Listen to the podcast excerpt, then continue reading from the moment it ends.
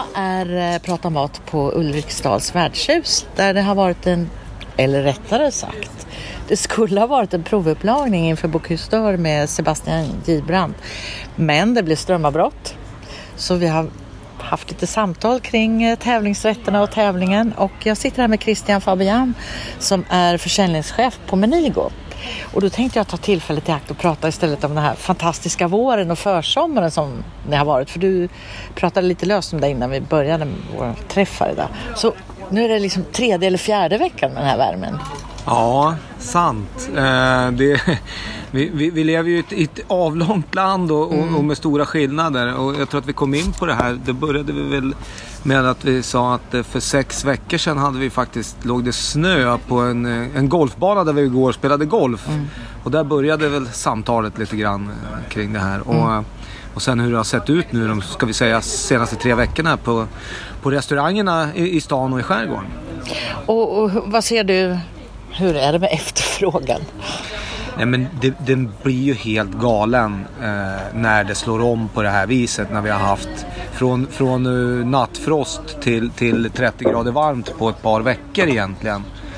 Eh, och eh, dels är det en utmaning för, för oss som leverantörer men, men framförallt för, för krögarna och eh, eh då ska jag säga personalmässigt. Det är det som är svårt. För du, du sa också att året började ganska trögt.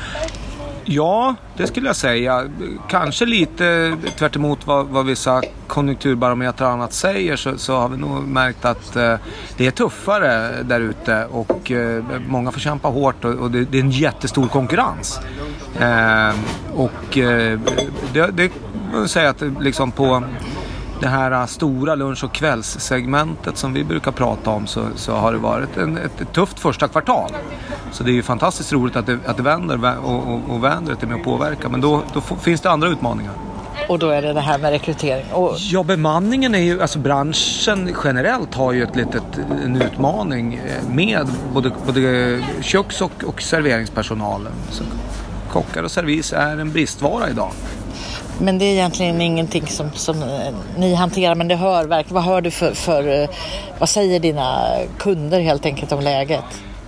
Att, att man har luckor. I, i var och varannat kök så, så saknar man, eh, jag skulle säga kockar främst, men, men även serveringspersonal. Och hur gör de? Hur löser de det?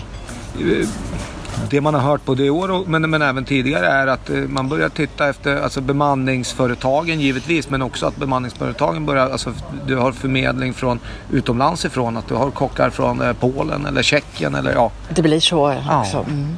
Och vad är det för, eftersom du då är försäljningschef, vad är det för, är det annorlunda efterfrågan nu på varor? Just när det är den här värmen som du det, verkar? Det, det, är klart att vi, vi vi fyller orderböckerna då på ett annat sätt. Det, Men vilken typ av? Det, det är ju allting. allting. I och med att vi levererar allting från, från eh, liksom, frysvaror till, till utrustning och, och, och däremellan med, alla färskvaror. Så, så det, det, är den totala leveransen som ökar. Så att vi jämför ju siffror dag, dag för dag, vecka för vecka mot samma vecka föregående år. Och, och det är klart att Eh, det är en enorm skillnad när det är 30 grader varmt. Eh, skärgårdskrogar, alla stora utserveringar eh, runt om i stan och, och särskilt vattennära.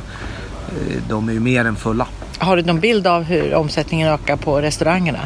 Vet du, kan du säga någonting där? Ja, det, det, man, man, kan säga att det är alltifrån liksom 50% till 500% ökning beroende på liksom hur, hur, det ser ut och hur du kan ta emot dem. Och, och sen så ska vi säga att det är jämfört föregående år så det, det, det är liksom hur, om den veckan. Och det var en svag vår, kall. Ja, och den var svag. Så att det här betyder ju liksom, det, det här är ju väldigt ögonblicksbild av vad det är. Men, men det var ju det vi pratade om, utmaningen med personalen då. Mm. Det är ju det svåra. Mm. Alltså du står ju inte med tre extra personer som väntar och rycka in om det blir varmt. Jag är helt övertygad om att alla som har någon som helst kontakt med någon har ringt dem sedan flera veckor tillbaks. Eh, men, men det stora är väl egentligen att eh, det finns en, en, eh, en utmaning sedan tidigare med att det inte det räcker till med, med kockar och, och, och servispersonal. Och sen kommer det en sån här härlig värmechock mm. i och för sig. Mm. Men, men den, den ställer också till mycket utmaningar, så är det ju. Men vi pratar om krogarnas omsättning. Har du några siffror för egen del hur, hur er försäljning ser ut? Det, det ser mycket bättre ut än, än samma period i fjol. Och du kan inte bryta ner det, du vet inte. Nej, det kan jag, men jag tycker inte att det är, det är viktigt. Men jag kan säga att det, det, är mycket bättre än vad det har varit. Maj i år är bättre än maj i fjol. Påverkar det här med beställningar och, och gästbeteendet och konsumtionen på restaurang att vädret är så här?